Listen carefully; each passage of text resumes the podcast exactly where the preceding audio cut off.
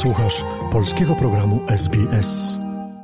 Kłaniam się z Warszawy. Zaczynamy od katastrofy ekologicznej na Odrze, prawdopodobnie najbardziej tragicznej w historii Polski. Pod koniec lipca woda w rzece została zanieczyszczona jakąś niezwykle toksyczną substancją, która spowodowała śmierć wszystkich ryb, a także płazów, bobrów i części ptaków żerujących nad wodą. Na niemal całej długości rzeki wędkarze i mieszkańcy nadrzecznych miejscowości wyławiają tony śniętych ryb. W województwach dolnośląskim, lubuskim i zachodniopomorskim wprowadzono zakaz wchodzenia do rzeki i czerpania z niej wody. Rządowe Centrum Bezpieczeństwa ostrzega przed kąpielami i wprowadzaniem zwierząt do wody. O prawdopodobnym zatruciu Odry jako pierwsze 30 lipca poinformowało Oławskie Koło Polskiego Związku Wędkarskiego. Związek interweniował, usuwając martwe ryby i zabezpieczając teren rzeki. Dzień później do inspektorów Wojewódzkiego Inspektoratu Ochrony Środowiska wpłynęły pierwsze zawiadomienia o prawdopodobnym skażeniu Odry. Wykonane na początku sierpnia badania na próbkach z pięciu ujęć wskazały, że rzeka jest zanieczyszczona. W kolejnych dniach alarmujące sygnały o śniętych rybach pływających po powierzchni Odry napływały z kolejnych miejscowości położonych w dół rzeki.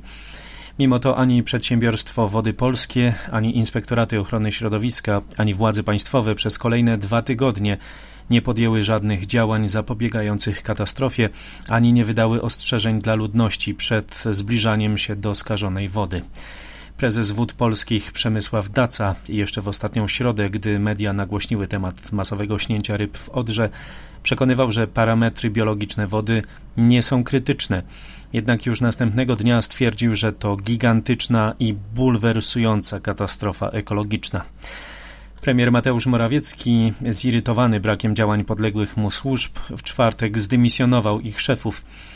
Podzielam obawy i oburzenie związane z zatruciem Odry. Tej sytuacji w żaden sposób nie można było przewidzieć, ale reakcja odpowiednich służb mogła nastąpić szybciej.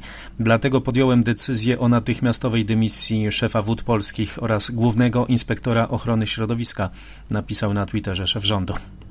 Wciąż nieznane jest źródło wycieku trujących substancji do rzeki. Śledztwo w tej sprawie prowadzi już prokuratura okręgowa we Wrocławiu. Według dotychczasowych ustaleń pierwsze zanieczyszczenia Odry pojawiły się w rejonie Tamy w Lipkach, 7 km od miejscowości Oława. E, lojalni mieszkańcy podejrzewają, że sprawcą zanieczyszczenia może być lokalna fabryka papieru i tektury, ale jej szef stanowczo temu zaprzecza. Komendant główny policji ogłosił milion złotych nagrody dla osoby, która wskaże sprawcę zatrucia lub przyczyni się do jego ujęcia. To nie koniec informacji o zatruciu rzek. Marszałek województwa łódzkiego wprowadził w piątek zakaz kąpieli i wędkowania w rzece Ner. To skutek znalezienia znacznej liczby śniętych ryb na granicy powiatów poddębickiego i łęczyckiego. Tu także przyczyna jest nieznana. Służby pobrały próbki wody, badane będą też śnięte ryby. Władze wojewódzkie apelują o zachowanie spokoju, ale też rozsądku i niezbliżanie się do rzeki. Tymczasem na dziesięciu kąpieliskach nad morzem w Zatoce Gdańskiej utrzymują się sinice i woda nie jest zdatna do kąpieli. Zamknięta została większość kąpielisk w Gdyni i Sopocie. Także wiele popularnych kąpielisk nad jeziorami w centrum kraju oraz w rejonie Szczecina również pozostaje zamkniętych. Miejsca, w których nie należy wchodzić do wody, zostały oznaczone na aktualizowanej na bieżąco mapie Głównego Inspektoratu Sanitarnego. Te zdarzenia nie mają jednak związku z zatruciem wody, a z wyjątkowo intensywnym wykwitem sinic, czyli toksycznych bakterii, które rozwijają się w wodzie przy wysokiej temperaturze. A w ostatnich dniach w Polsce upały ponownie dają nam się we znaki.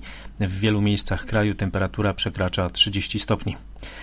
Natomiast mieszkańcy województwa świętokrzyskiego zmagają się z plagą szerszeni. Tamtejsi strażacy od początku roku podjęli już ponad 900 interwencji dotyczących gniazd tych owadów. 90% z tych interwencji przypadło na czerwiec i lipiec. Według rzecznika Komendy Wojewódzkiej Świętokrzyskiej Straży Pożarnej ostatnie dwa lata są pod tym względem wyjątkowo intensywne. We wcześniejszych latach roczna liczba interwencji przy usuwaniu gniazd szerszeni nie przekraczała 300.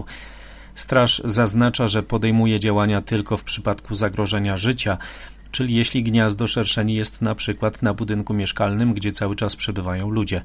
Interweniujemy tylko wtedy, gdy zgłoszenie nosi znamiona wyjazdu ratowniczego. Nie podejmujemy działań w przypadkach zagnieżdżenia się owadów w budynkach gospodarczych, na terenach zalesionych czy w garażach. Gdyby zliczyć wszystkie te zgłoszenia, to byłoby ich kilka tysięcy rocznie, mówi Marcin Myga z Komendy Straży Pożarnej w Kielcach. A z Warszawy dla radia SBS Przemysław Przybylski. Zainteresowało Cię?